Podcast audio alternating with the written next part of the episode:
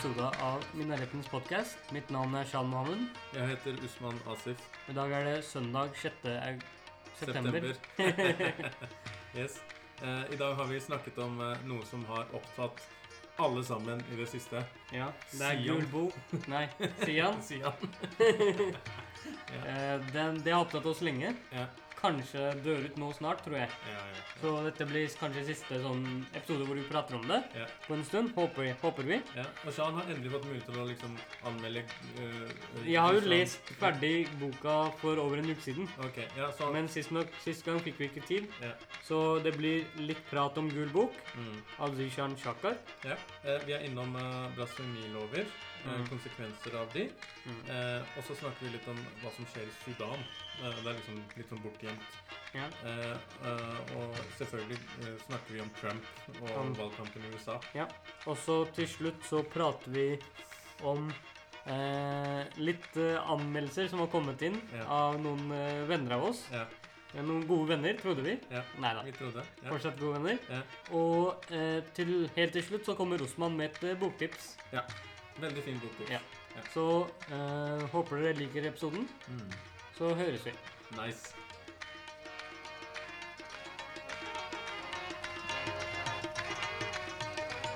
Du har lest en uh, bok, du, sa?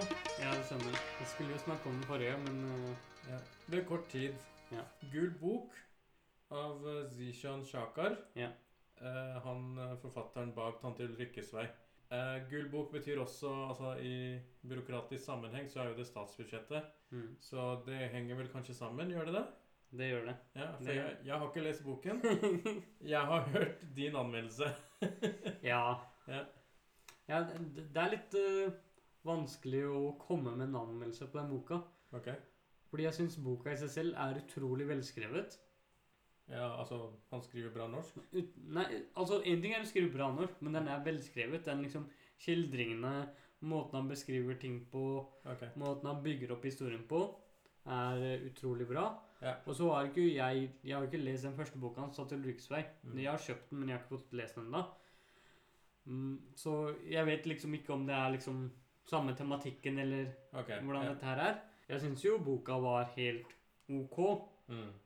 Eh, men det var ikke sånn at jeg ble slukt inn i den. Hvis du forstår hva jeg mener? Jo, men altså, da du forklarte meg innholdet i boka, Mm. eh, så sa du også at eh, det kan hende at siden vi har den bakgrunnen vi har, så er vel kanskje ikke så mange av de tingene der så ukjente. Ja. Ikke sant? Som kanskje for en etnisk nordmann, da. Ja.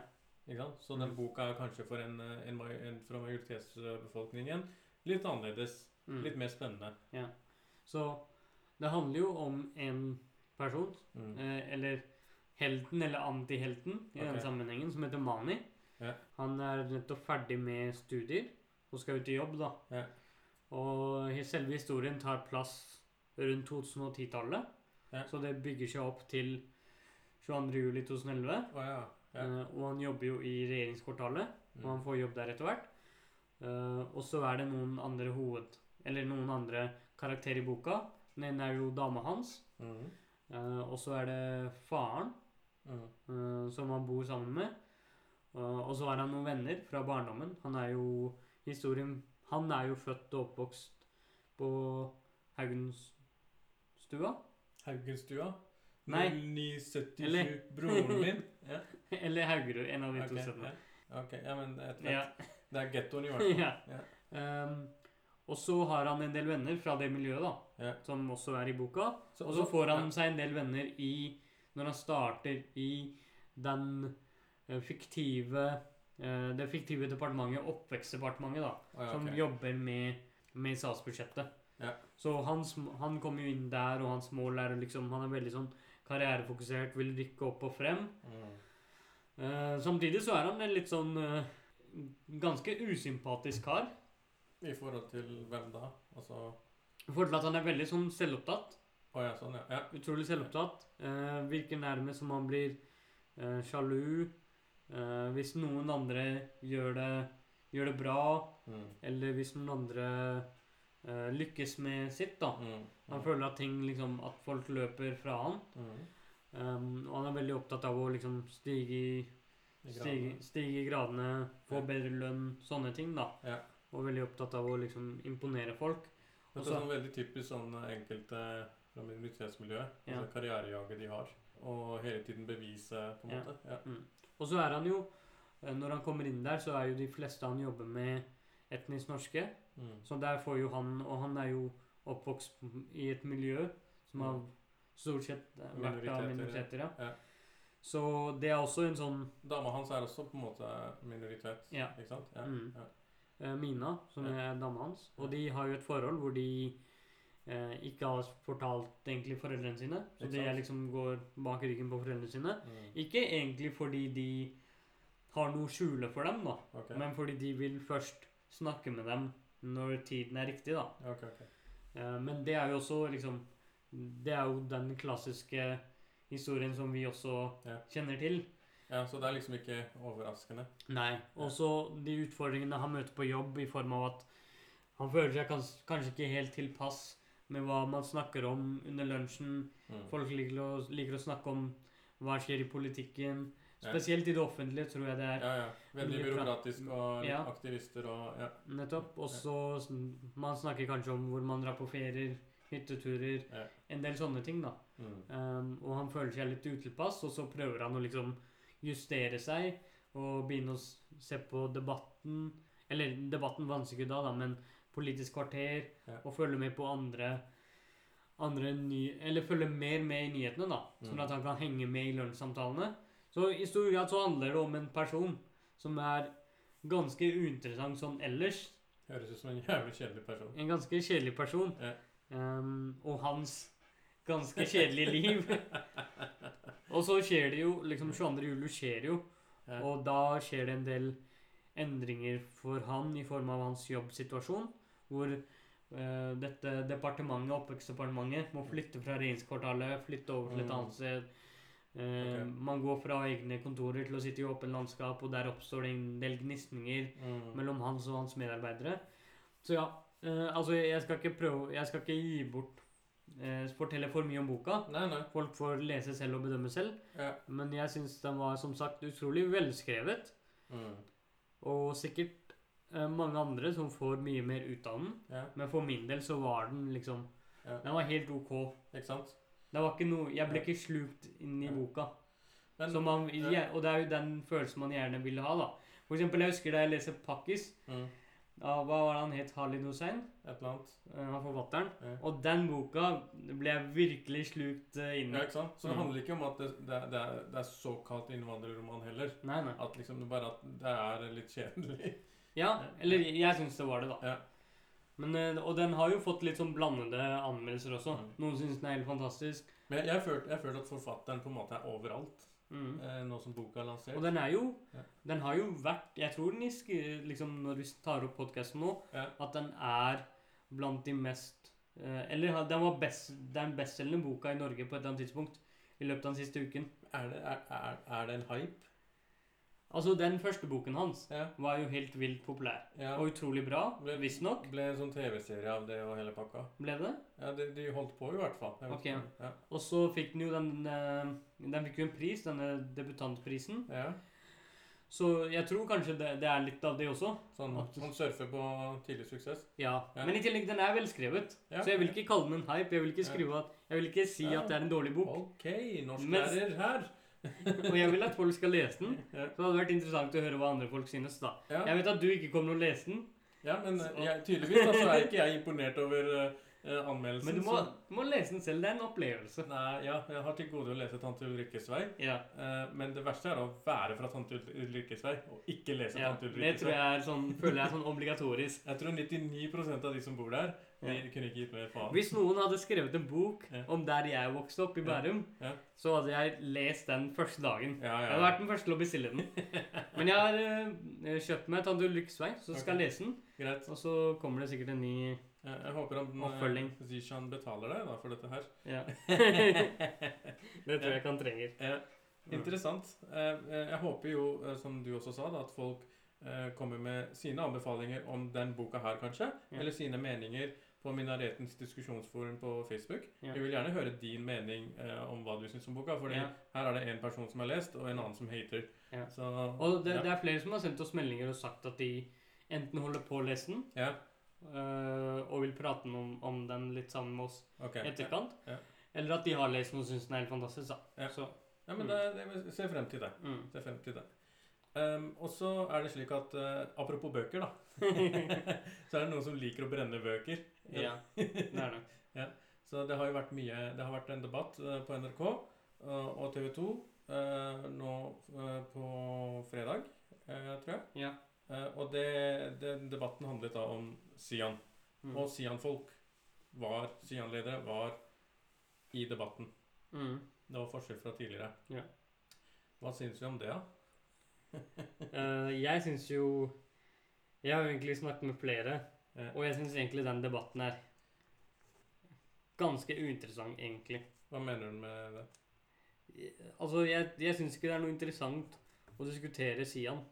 Ok. Um, og jeg forsto det at NRK heller ikke var særlig begeistret for Mm. å invitere Sian mm. inn til debatten, men den overveiningen de gjorde, Ja. det var nok det at det blir veldig rart å ha en lang samtale om Sian, mm. og om hvorvidt de skal få lov til å demonstrere eller ikke, Ja. uten at man inkluderer, inkluderer dem, da, Jeg- i den jeg- debatten. Jeg syns eh, Jeg har mye meninger om uh, Sian. Eh, Ja. og for det første, de er som sagt Ok, da. La oss starte med det. De er uinteressante. Ja. Det er ikke noe nytt. Det er ikke noe nytt. Det er liksom Jeg har sett de tingene i 10-15-20 år, jeg. Ja. uh, og liksom, Sian har jo holdt på siden 2009. Ja, ja, men uh, dette er, jeg har sett det andre steder, og det, det er liksom ikke noe overraskende. Mm. Uh, og liksom, jeg mener at dette er islam, muslimhat forkledd som religionskritikk. Ja. Men når det gjelder debatten da på TV, så syns jeg at når du tar frem en så ytterliggående gruppering og gir dem talestol eh, I den ene debatten hos TV 2 eh, så står, sitter jo han lederen, er det Thorsen, Mm. med, mot en kvinnelig politiker, ung jente fra Høyre, minoritetsbakgrunn, og hun har jo skrevet tekst om det, fikk hets. Han satt der med henne. Det syns Mm. jeg var veldig rart. Eh, det andre på NRK var at han eh, var til stede og fikk jo si sin eh, propaganda alt sammen. Mm. Og måten han snakket på, det la jeg merke til. Det er ikke mange som legger merke til dette her i norsk debattklima. Men du må, du må lese hvert eneste ord han sier. Når han sier at Koranen er forfattet av Mohammed, Mm.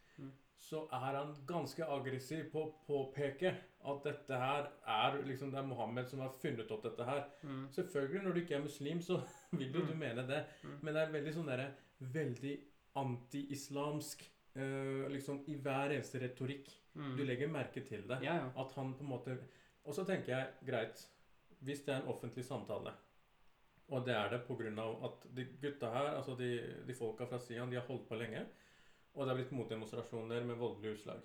Greit, vi har en TV-debatt på det. Da burde i hvert fall man kunne ha redigert eller hatt en forhåndsopptak av den debatten, slik at man samtidig hadde eksperter i ettertid, eller andre som kunne motkommentert han der. Mm. Ikke sånn uredigert versjon som bare ligger der ute. Det er ikke, Um, ikke for å sensurere eller noen sånne ting, men liksom prøv å lage et, sy sammen et godt program. Ja. Ja. Og jeg tror Det var jo enkelte ting han sa som var veldig uheldig, og som eh, også Uheldig. Som Fredrik Solvang også Ja. eh, beklaget for at han fikk muligheten til å si. Blant annet om noen, eh, noen eh, nordmenn Ja. eh, som han mente burde bli deportert. da. Ja. Eh, og som han egentlig ja, kom med ganske grove anklager mot. Ja. Eh, en ting, Når vi først snakker om liksom, Lars Thorsen sin del i den debatten, ja.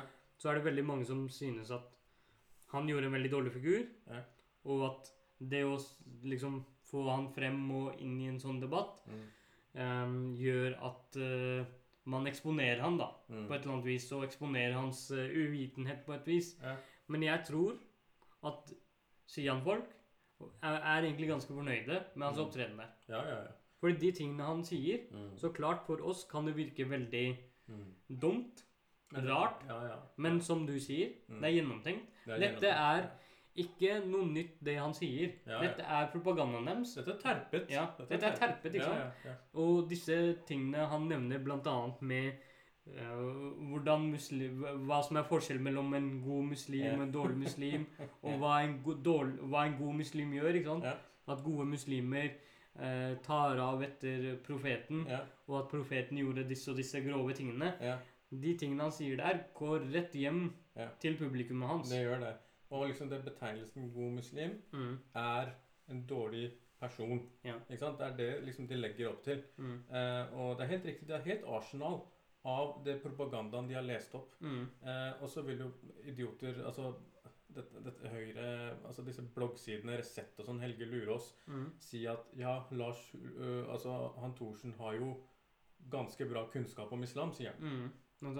Ikke sant? Mm. Det, eh, så liksom hele den bloggosfæren og hele den der, disse organisasjonene de virker som en sånn satellitt til hverandre. Mm, Eh, og ja, de forsterker hverandre, da. Ja. Og de kjenner til dette miljøet. mm. Eh, ja. Og så har vi jo um, Det var jo flere som var med i debatten. Det var blant annet han Sen- Senaid Koblica. ja. Imam for den bosniske menigheten. Ja. Ja. Han var jo der. Hun Seher fra Rødt. Og Sofia Rana. Sofia begge, Rana. To, begge to fra Rødt. Ja. Ja. Um, og Senaid mente jo at man bare burde ignorere dem. Ja. Uh, det er jo en mening som har kommet frem ganske Ja. Og han ble jo litt avkledd når Fredrik Solvang sa og greit, bare fordi de er, bare fordi de er små, Ja. så burde man ikke Ja, ja. Si Men, noe mot men, dem. men jeg skjønner Senaid på et vis også. Ja. Så, som leder altså for en menighet og blant muslimer. mm. Han kjenner jo til sentimenter. Mm. Så hans logikk Og jeg, jeg skal si jeg, jeg støtter begge deler. Det å dukke opp og det å ha alternative markeringer. Mm. Og det å, det å boikotte liksom, Eller liksom, ikke boikotte, men altså ikke delta. Det, det er sånn Senaid er en leder i en menighet. Han påtar seg rollen å ikke eksponere folk i sin menighet for sårende ytringer. Mm. Han Jeg tenker det er helt greit. Yeah. Det er helt greit. Men det fins ikke en ent- Jeg tenker at de som dukker opp for å demonstrere eh, Og der har det vært litt uheldig at noen har liksom prøvd å ødelegge for dette her og få utløp gjennom vold. Mm. Eh, så har mange tatt ansvar. Ja. Så syns jeg også det at hvis du ikke dukker opp, så vil det også resultere i at de som ønsker vold på disse markeringene, de lykkes. Mm. Ja, ja. Ikke sant? Det er et godt poeng. Det, ja. Og det Siv Jensen prøvde på, mm. var helt motsatt. Mm. Hun prøvde jo å legge skylda for Mm. volden over på de som var med å arrangere debatten. Nei, Ja, ja. demonstrasjon mot Ja. Blant annet Rødt. Mm. Og Antirasistisk Senter tror jeg også var med. LO var med på å arrangere. Og hun la skylda over på dem. Og det syns jeg var, var en uh, var veldig rar måte å Det er kynisk. Ja. Det er kynisk. Hun, hun vet hva hun sier. Ja. Hun vet hva som har skjedd, Mm. og hun vet at hun lyver. Ja. Jeg vet at dette er dama som har liksom coina termen snikislamisering. Mm. Eh, Og så sier hun at eh, Og en annen ting hun sier, er at retorikk har ingenting å si. Ikke sant? At retorikk ikke bygger opp noen ja, ja, ja. sentimenter i det ja, hele ja, ikke sant? Og derfor så var de så sure da allmennheten drev og prøvde å si at dette Frp er nazister og rasister og fascister. Mm. Da var plutselig retorikk så veldig viktig for dem. Mm. Eh? Eller, eller at ministrene deres har brent aviser. Da var retorikk viktig. Mm. Eller at de ø, liksom fjernet magasinet i SAS-flyene fordi da ble Frp sammenlignet med høyreelementer. Da var retorikk. Mm. Altså, Hvorfor er retorikk ikke viktig når det går utover la oss si minoriteter? da? Mm. Ikke sant?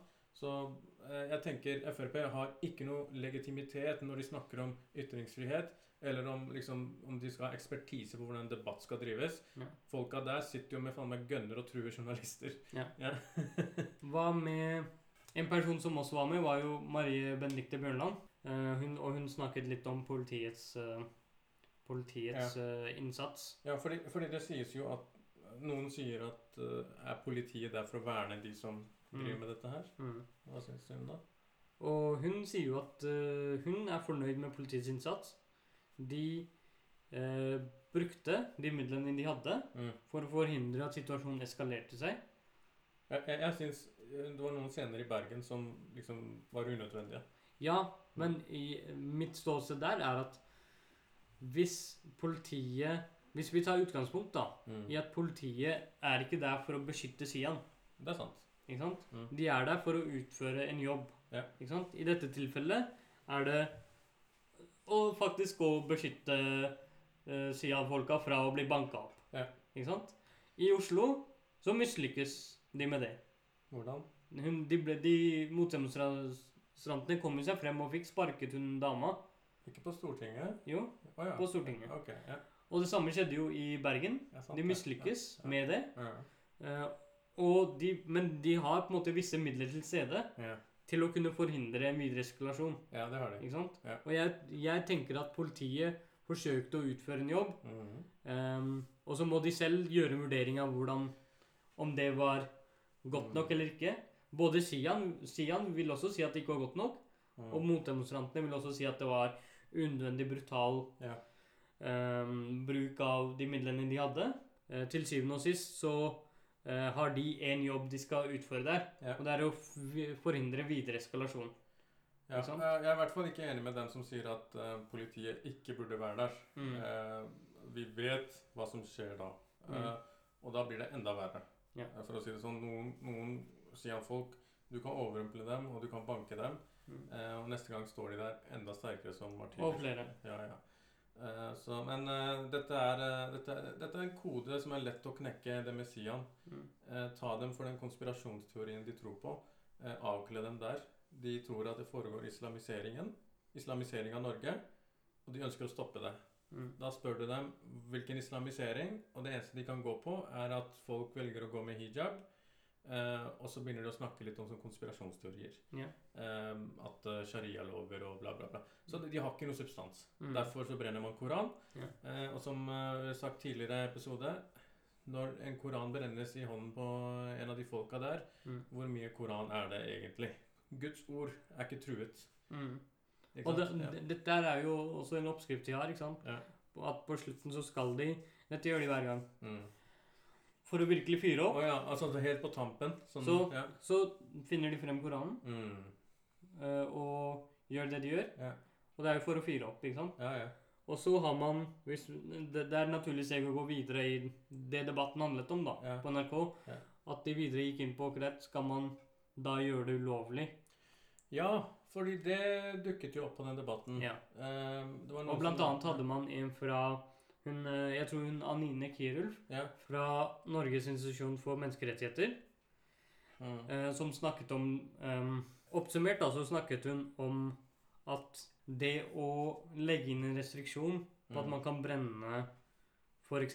Koranen eh, og andre hellige bøker, kan potensielt faktisk føre til mer eh, voldsbruk. Mer voldsbruk og faktisk eh, såkalt mer um, brudd på lovverk. Mm. Da vil flere gjøre det. Yeah. Uh, og så vil det også begynne å stå? Så, for, for det første, det vil aldri skje Mm. at uh, det blir forbud mot dette Mm. her. Uh, for, for det andre, det er jo noen på den debatten eh, Kasim Ali, han har jo gått fra Minorg, han har jo gått for å si at han mener at man burde forby Koran, Mm. eh, koranbrenning. Um, og mener at det er presedens for slike ting i norsk lov da, tidligere. Så, men det, det har uheldige bivirkninger, og man gjør jo dette ut av motivasjon for at det er blasfemisk. Ja. Eh, men vi vet jo allerede hvordan blasfemilover funker i verden. Og nå nylig så har jo det vært eh, en ekstrem oppblomstring av eh, eh, blasfemisaker mot sjiamuslimer i Pakistan f.eks. Mm. Nå har det vært Muharram-måned, hvor sjiamuslimene har markert sine, eh, sine begivenheter. Mm. Og flere hundre sjiamuslimer er blitt arrestert Mm. fordi det er blasfemilover til stede. Og det åpner jo opp en Pandoras eske, fordi hvis vi skal forbi brenning av hellige bøker, så må man jo begynne å diskutere akkurat hva er hellige bøker. Ja. Og hvor går grensen for hva er en hellig bok, og hva er ikke en hellig bok. Ja, Det er jo en altså subjektiv oppfattelse. Ja, du må jo nesten spørre folk subjektivt, da. Ja. Eh, Send inn, ja. Vi sender ut en e-post til alle i hele Norges befolkning. Send inn dine topp tre hellige bøker. Ja, men, ja, men la, la oss si da, la oss si i Pakistan for Gul bok eh, blir en av mine. Så, så jeg blir, ja, så jeg blir så du ikke kan eh, gjøre noe med den. Ja, men ikke sant, her har du dilemma. Mm. Uh, Shia-muslimer og sunni-muslimer i Pakistan har gått sammen og liksom gått kjempet for at ahmadi-muslimer ikke, ikke kan kalle seg muslimer. Mm. Og de blir forfulgt og liksom noe av det verste som kan skje i moderne tid. da. Eh, og Grunnen til det er at de hevder at ahmadi-muslimer eh, har en, en ny profet Mm. eh, etter Mohammed, Ulam Ahmad fra Qadian, og at liksom det er blasfemisk. Mm. Eh, og da kan ikke dere kalle dere muslimer hvis dere gjør det. så, ikke sant? Men så det som har skjedd, er at de er jo erklært vantro. Mm. Men så har den blasfemilovgivningen også sagt at man kan heller ikke si noe kritikkverdig om profetens disipler. Mm. Og da havner jo liksom 20% av Pakistans befolkning, som er sjiamuslimer, de havner liksom Og de er sånn Å, fuck, nå har vi driti oss ut. For de er jo kritiske til noen av profetens disipler. Eh, Det er derfor de eksisterer. yeah. og, og de er sånn Å ja, nå har vi vært med på en utfordrende greie her som ikke er så bra. Yeah. Og så har det skjedd en ting til. Så for det, fordi Blant sunnier så er det sånn grupperinger. da, Deobandier, og, altså bokstavtro nesten, eh, og tradisjonalister, da, litt mer sufi-orienterte. Så deobandier de mener at de tradisjontro hever Mohammed i et liksom nesten et guddommelig bilde, og det er, det er blasfemisk. Ja. Så en, bit, en liten andel av muslimer i Pakistan, deobandier, har gått imot en majoritetsandel. ja. Og den majoritetsandelen sier at de deobandiene bedriver blasfemi mot Mohammed ved å nedgradere ham. Mm. Så hvor er det vi skal? Ja, det blir vanskelig. Men tror du, da Ja. Altså, det, det er veldig åpent spørsmål. Tror du veldig mange muslimer i Norge støtter at man forbyr brenning av Koranen? Jeg tror det.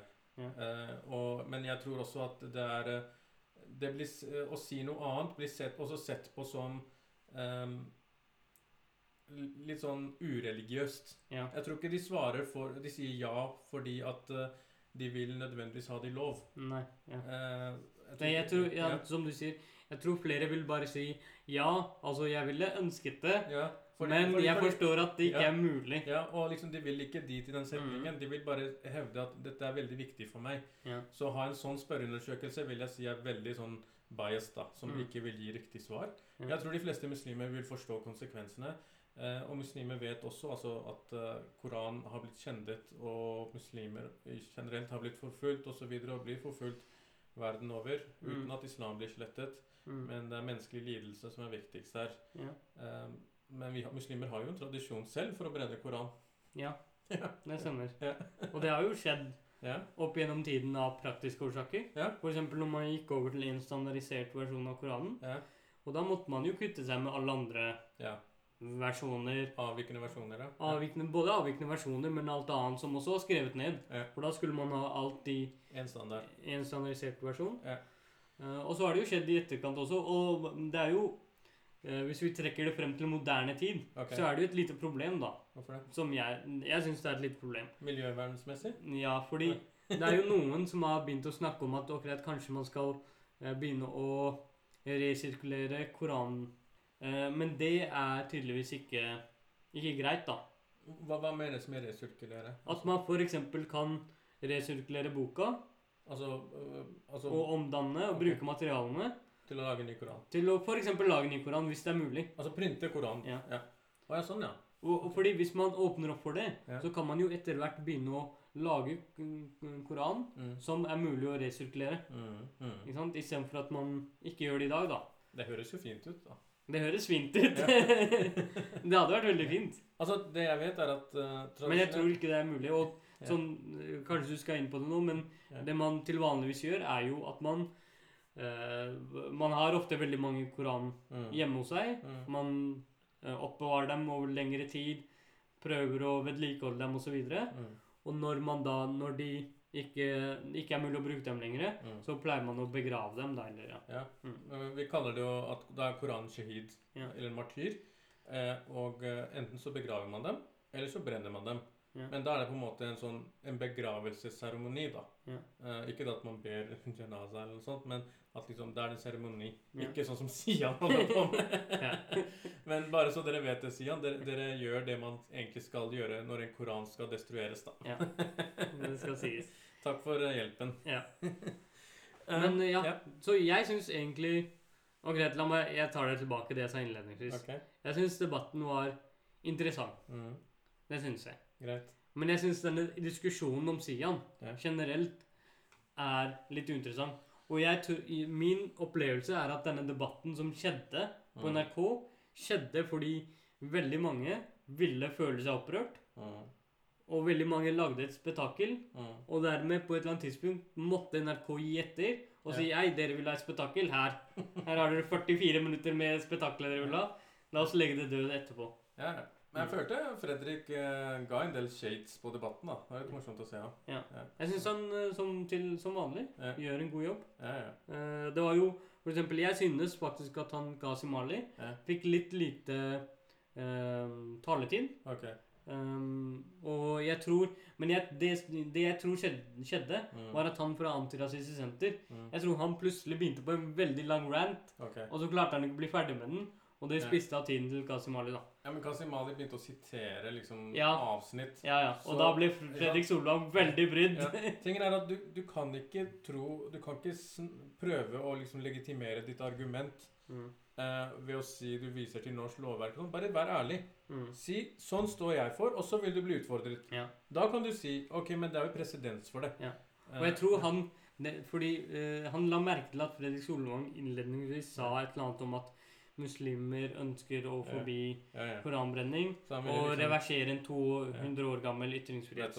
Og, han, og det, det Qasim Mali forsøkte på, var å si at uh, Fredrik Solvang insinuerer Mm. at uh, muslimene vil reversere denne loven. Ja, Jeg men- føler ja, han prøvde å ta ja, ham på det. Ja, men jeg tror han, eh, han egentlig var forberedt på å si det han sa i forveien. Ja. Men, og det var, det var uheldig at det, ble, at det var sånn start, da. Mm. Bare, bare si Altså, jeg mener at man burde forby det, og så får du den, det shitshow, ja. og så kan du begynne å nyansere. Ja.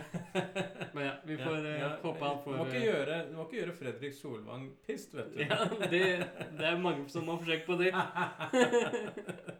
Ja. Mm. Yes. Um, Sudan uh, Sudan har blitt sekulært. Ja, What? det er en eh, Det er omvendt av det vi snakker om. Ja, ja. Så det, det har skjedd mye i Sudan i det siste. Ja. Eh, samtidig er det ikke tilfredsstillende nok. Fordi det er litt sånn Sudan gikk fra diktator Omar al-Bashir, Mm. eh, som støtta liksom milits som voldtok, drepte, massakrerte folk. Mm. Eh, og han er, liksom, han er jo ettersøkt og dømt for krigsforbrytelser og hele pakka. Eh, til å gå gjennom en revolusjon. Og nå er det et overgangsstyre. Det, det, det er praktisk talt dette militærstyret nå. Mm. Eh, eh, og og de hadde lovet valg om noen år, da, så de jobber sakte mot det. Så det de har gjort, er at de har reversert mye av disse lovgivningene og erklært Sudan som en sekulær stat. Ja, hvorfor har de gjort det? Uh, de har jo sett hvordan uh, både Nimeri, diktator Nimeri sitt regime og, og Bashir sitt regime har påvirket folk. Altså ekstremismen, hvordan Mhm. det har påvirket folk, Mm. og hva, hva det egentlig har brakt med seg. Bare lidelse, massakre, vold. Mm. Eh, og instrumentalisering av religion. Altså mm. Sudanesere følger en ganske tolerant tradisjon, og, men staten har hjulpet, vært med på, på måte å skape liksom sekterisk konflikt med Sør-Sudan Ja. og, og mot stammeområdene i Darfur osv. ikke sant? Mm. Så det det, jeg tror folk egentlig har sett seg drittlei av det der. Ja. Eh, Uh, disse tidligere islamistiske bevegelsene eh, har også eh, liksom switcha side og sagt at vet du hva, vi angrer på å ha støttet et slikt regime. Eh, også Sudan har jo lang eh, historie fra liksom eh, eh, en Mahdi som kjempa mot eh, britene. Okay. Og etterkommerne hans er veldig innflytelsesrike politisk. Og Ja. de, de er også med på revolusjonen. Mm. Så det vi håper på, er jo at eh? Akkurat nå så skjer ting uten noe valg. Uten Mm. grunnlovsendring. Så disse endringene, de er, de er teknokratiske. Og, og midlertidige, så folk må jo faktisk få stemme over disse her. Eh, men det vi håper på, er jo at liksom folk får mulighet til å ha en stat som ikke diskriminerer på bakgrunn av religiøs tilhørighet. da. Og at de kommer seg ut av den der cringen til Saudi-Arabia-emiratene og får sann demokrati. Mm. Det er mye som skjer der, så, men uh, igjen, da. Det er fortsatt ikke valg ennå. Mm. Men det er valg et annet sted. Er det det? Ja. I USA? ja. Ok. Eh, Skjer det fortsatt? Er det ikke avlyst? Ikke sant? Trump har jo eh, Trump hevder jo å være på en måte liksom the strong man, ikke sant? Mm. Og så har det kommet ut sånne lekkasjer om at han syns at folk som har dødd i krig, soldater som har dødd i krig, var liksom noen tapere wow. Jeg bare Hvordan klarer Jeg skjønner ikke. Det var noe du sa til meg angående Biden sin kampanje på det. Mm. Altså at med en gang Trump sier noe sånt Ja. Det er jo ansatt eh, folk som har titler som Rapid Response Video Editor. Ok. Så det vil si at de har ansvaret for å følge med eh, på alt som skjer, ok. f- hele tiden. Ja. Og umiddelbart når noe skjer, da, f.eks. når Trump kommer med sånne uttalelser, Ja. og det liker, så er, starter de å jobbe med en gang på å lage videoer, lage budskap, Ja. som de får ut med en gang, da. Ja. Som de sender ut på YouTube, på Twitter, på Facebook, overalt. Ja. Som et motsvar. Ja. Så med en gang Trump er ute med et eller annet, så kommer Biden sin kampanje med et koordinert angrep på det han sier. Okay. eh, For å med en gang ha en respons, da. Dette Og det er ganske ja, ja. Dette er en ekstrem eh, sosiale medier-dominert valgkamp. Ja. Og eh, veldig sånn der basert på at ting skal gå viral, da. ja. Og, det, og det gjør det jo. det gjør jo det. Ikke sant? Eh, ja. Og folk har lagt merke til hvor kjappe Biden sin kampanje Mm. er på ballen når sånne ting skjer. da. Mm. Det, så den duellen mellom disse to Ja. på sosiale medier er jo noe av det som er mest spennende. Eh, altså vi, Og når vi snakker om det Vi snakker jo ofte om digitale sånne siloer, da, som man ofte havner i. Okay. Hvor man får kanskje et lite innblikk Mm. i hva som skjer på motparten sin feed, Mm. men i, i det store og hele forholder man seg selv til det man selv får av informasjon. da. Ja. Ofte av folk som er likesinnede. Mm. Så hvis man begynner å ta en titt på hva som skjer i andre siloer, Ja. så driver jo Trump også med mye av det samme. ikke sant? Absolutt. Og han også oppildner, og kampanjen han også jobber ganske hardt. Og det, det er jo kommet nå ut en del videoer fra den siden hvor, hvor de har laget Eller hvor det har vært videoer da, av visse Black Lives Matter-aktivister Mm. som går rundt til forskjellige Jeg har sett det en video hvor de har gått inn i en restaurant, Mm. og så har de bedt alle liksom eh, take a knee. Ikke sant? Og, og så er det én, da, selvfølgelig, én i restauranten som, ikke, som nekter. Det- Og da du- står de og skjeller ut den Ja. personen. Og dette er jo en del av den propagandaen. ja, men dette, Trump også kjører. Ja. Det, det, men sant, dette er cannon fodder for Trump-kampanjen. Mm.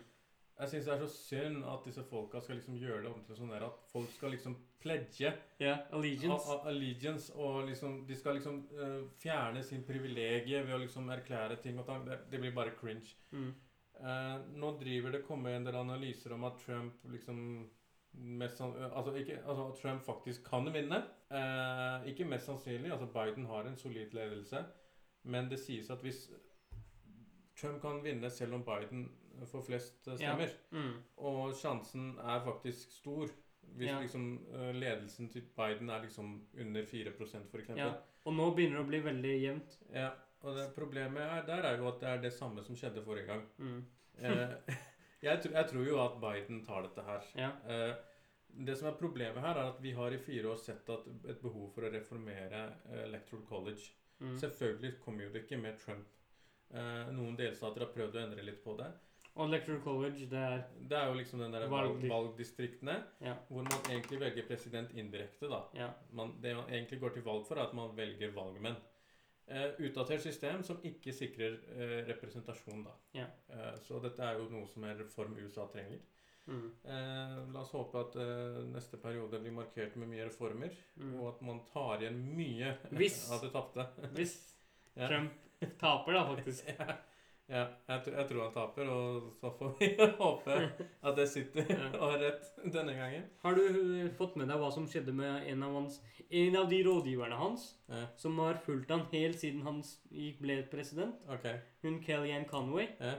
Har du, har du fått med deg hva som skjedde? Ja, dattera, dattera hennes har, Ja. har, har jo hata på eh, at eh, Både moren og faren. ja, og faren har jo liksom George Conway har jo vært veldig tydelig ute ikke sant, på sosiale medier og vært mot Trump. Ja. Og dattera han har vært med å starte opp dette The Lincoln Project. Project, ja. Lincoln Project har jo uh, Rachel Beitkofer. Eh, hun predikerte faktisk Trump-seier forrige gang. Mm. Uh, og hun har hatt gode analyser. Mm. så det, og Hva sier hun nå? hun, hun, hun tror på en Biden-seier. Okay. Hun advaret eh, imidlertid om dette med, Uh, dette med usikre velgere. yeah. uh, og, og dette med det Trump driver med i forhold til valg. Eh, altså i forhold til postvesenet, da. I hvert fall George Conway har jo vært imot uh, Trump. Dattera har liksom gått offentlig ut. Og Kellyan har, har liksom sagt at ok, jeg gir meg nå. Ja. Og faren også? ja, ja, fa- fa- Men liksom, tingen at dealen var at da måtte faren slutte å liksom kritisere Trump. da. Så liksom eh, kompromisset var at liksom begge to ja, For en, for Ja. Jesus Christ. Det er offentlig en- skittentøy ja, for et shitshow dette regimet er, altså. Men ja, hvis det vinner, så er det fire år til med Chicho. Da, da, det, er er USAs demokrati ferdig. Men eh, det, det som, eh, det, en annen ting da, som eh, Dette er jo en, en sånn jevn oppdatering vi har om valgkamp. Men så er det sånn der, hva folk synes om podkasten vår.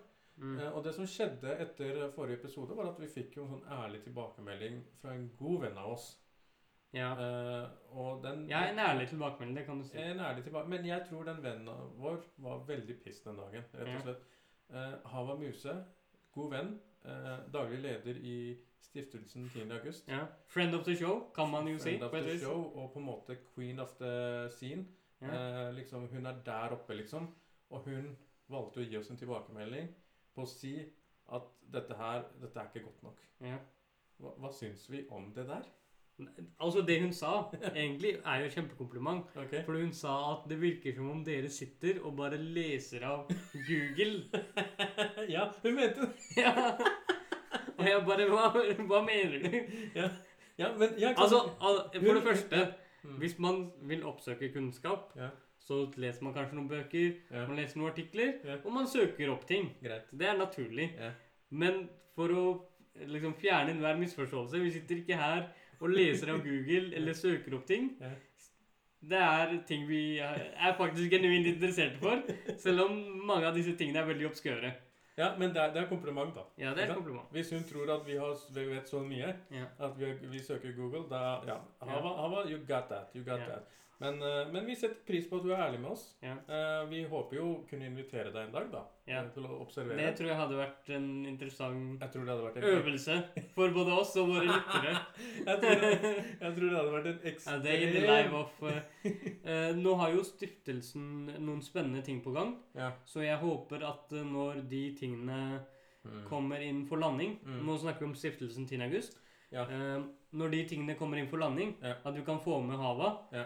for å fortelle om hva, hva som skjer Ja, der. det er en ting jeg er veldig stolt av. Vi, har fulgt på en måte utviklingen av stiftelsen siden vi startet med podkasten. Mm. Eh, og det er på en måte Jeg føler vi er blant de få eh, med liksom interesse for det norske muslimske eh, feltet som har fulgt opp den biten. da Mm. eh, Det arbeidet folk legger der. Ja.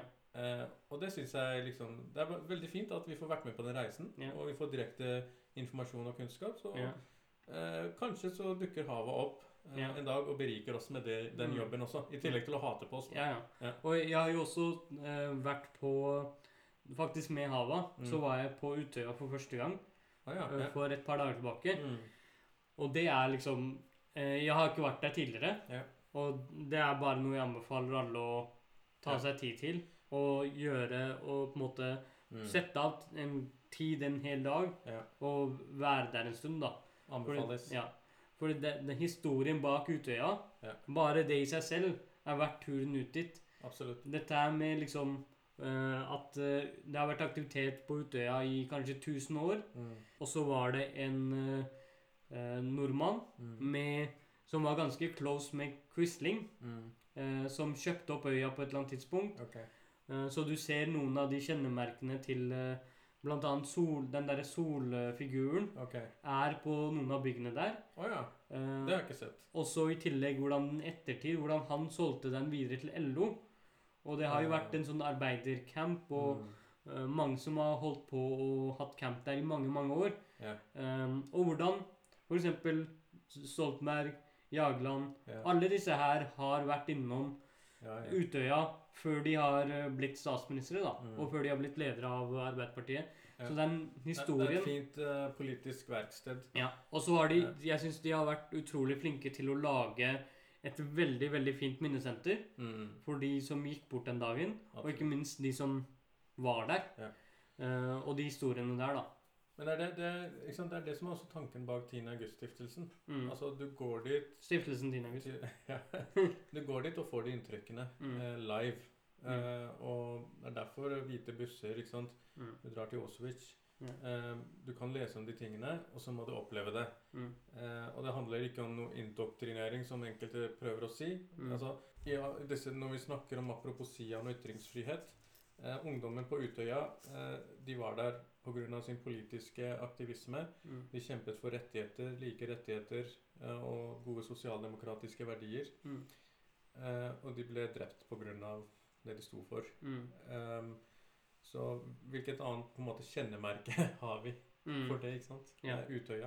Ja. Så ja. Men uh, det blir uh, Vi håper folk følger anbefalingen. De liker anbefalingen. Mm. Så tror jeg det, det er jo Det har begynt å komme liksom vi må, liksom, Valgkampen i USA er, er vi ofte innom. Mm. Men nå begynner det å liksom nærme seg nominasjonskamper i Norge for Mm. stortingslista. Mm. Så det blir interessant å se videre. Ja. Hvordan det blir. Nei, men det blir, det blir morsomt. Eh, vi gleder oss til å høre fra dere tips og triks. Hva dere syns videre. Som Mm. ærlige meninger som Hava Muse også ga oss. ja. Så Og så eh, Du ville ha en bokanbefaling Ja. eh, jeg fordi jeg har lest en bok, og da vil jo ikke du være noe dårligere. Jeg skal gi deg en bedre bokanbefaling. Eh, til dere som på en måte ønsker å lese om sunni-shia-splittelsen Ja. i, i en historisk perspektiv, altså, uh, altså med sannhetskriterier da, i kildene, men skrevet på en sånn romanmåten, så anbefaler jeg boken 'After the Prophet', 'The Epic Story of the Shia-Sunni Split' av Leslie Hazelton. Hun, Mm. øh, hun er ganske kjent i muslimske sirkler. da. Mm. Eh, veldig spennende bok. Den starter veldig tidlig, liksom. Eh, tidlig i islams, eh, eh, islams på en måte tilstedeværelse på jorden med Mohammed og liksom hans følgesvenner. Og forteller om liksom de tingene som medførte splittelsen. Mm. Eh, veldig interessant. Jeg lærte veldig mye. Eh, så jeg anbefaler dere også. Herlig. Jeg, jeg, jeg bare anbefaler det jeg tidligere har lest, for jeg er ikke så flink til å lese bøker. Ja. Men uh, det er ikke noe problem. Nei, det er ikke noe problem. Ja. Uh, yes, vi håper folk syns episoden var spennende. Ja, og at de likte den nye jingeren. Ja, den er vi litt stolt over. Den er epic. Og hvis noen skjønner referansen, Ja, gjerne send oss en melding, Oh, eller Ja, det venter en belønning. ja det venter en belønning, visstnok. Yes, takk for oss. Ses igjen neste Eller snakkes igjen Snakkes igjen. om en uke. Greit det. Ha det bra.